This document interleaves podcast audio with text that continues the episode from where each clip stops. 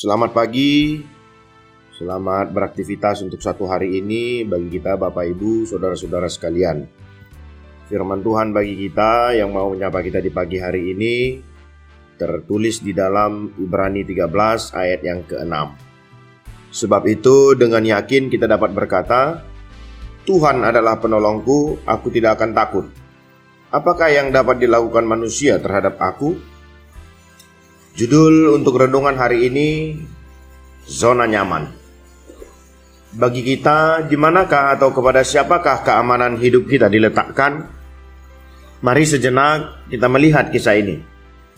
Pada tahun ke-14 kalender Yahudi dalam pemerintahan Raja Hizkia Sanherib Raja Asyur maju menyerang Yehuda Hizkia pun takluk kepada Raja Asyur hingga ia membayar 300 talenta perak, dan 30 talenta emas.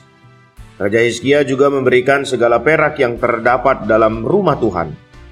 Ia juga mengerat emas dari pintu dan jenang pintu rumah Tuhan untuk Raja Asyur agar ia mundur.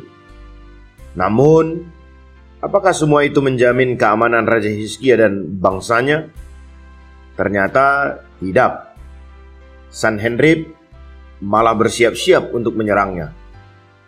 Tetapi sebaliknya, ketika Hizkia datang minta pertolongan Tuhan, ketika ia bertekuk lutut dan berdoa memohon keselamatan kepada Tuhan, maka kelepasan dan kemenangan atas Asyur ia dapatkan.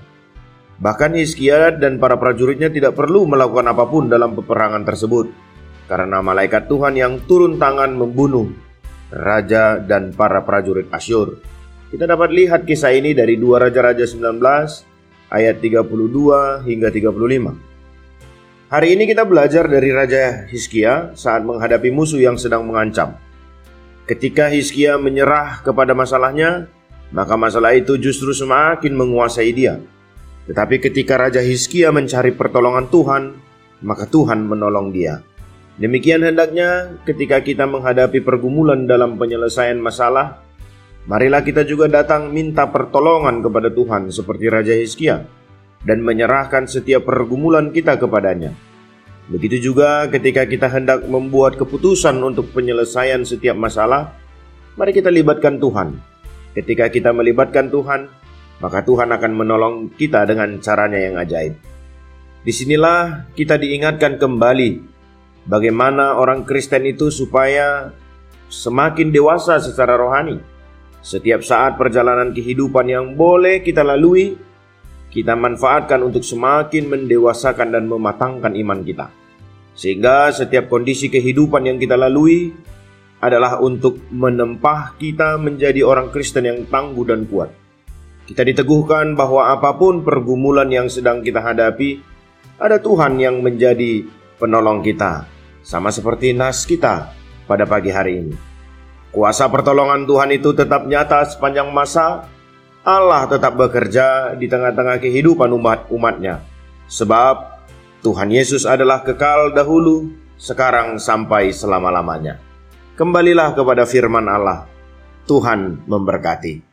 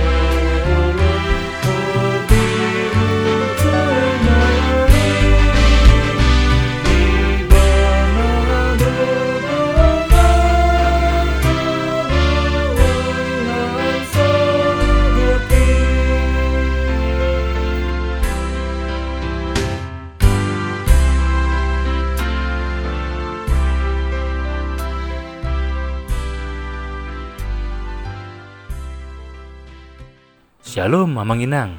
Terima kasih sudah mengawali hari dengan mendengarkan renungan hari ini. Yuk bagikan renungan harian ini kepada keluarga kita sehingga firman Tuhan itu tidak kembali sia-sia, namun berbuah dan terpelihara. Tuhan Yesus memberkati.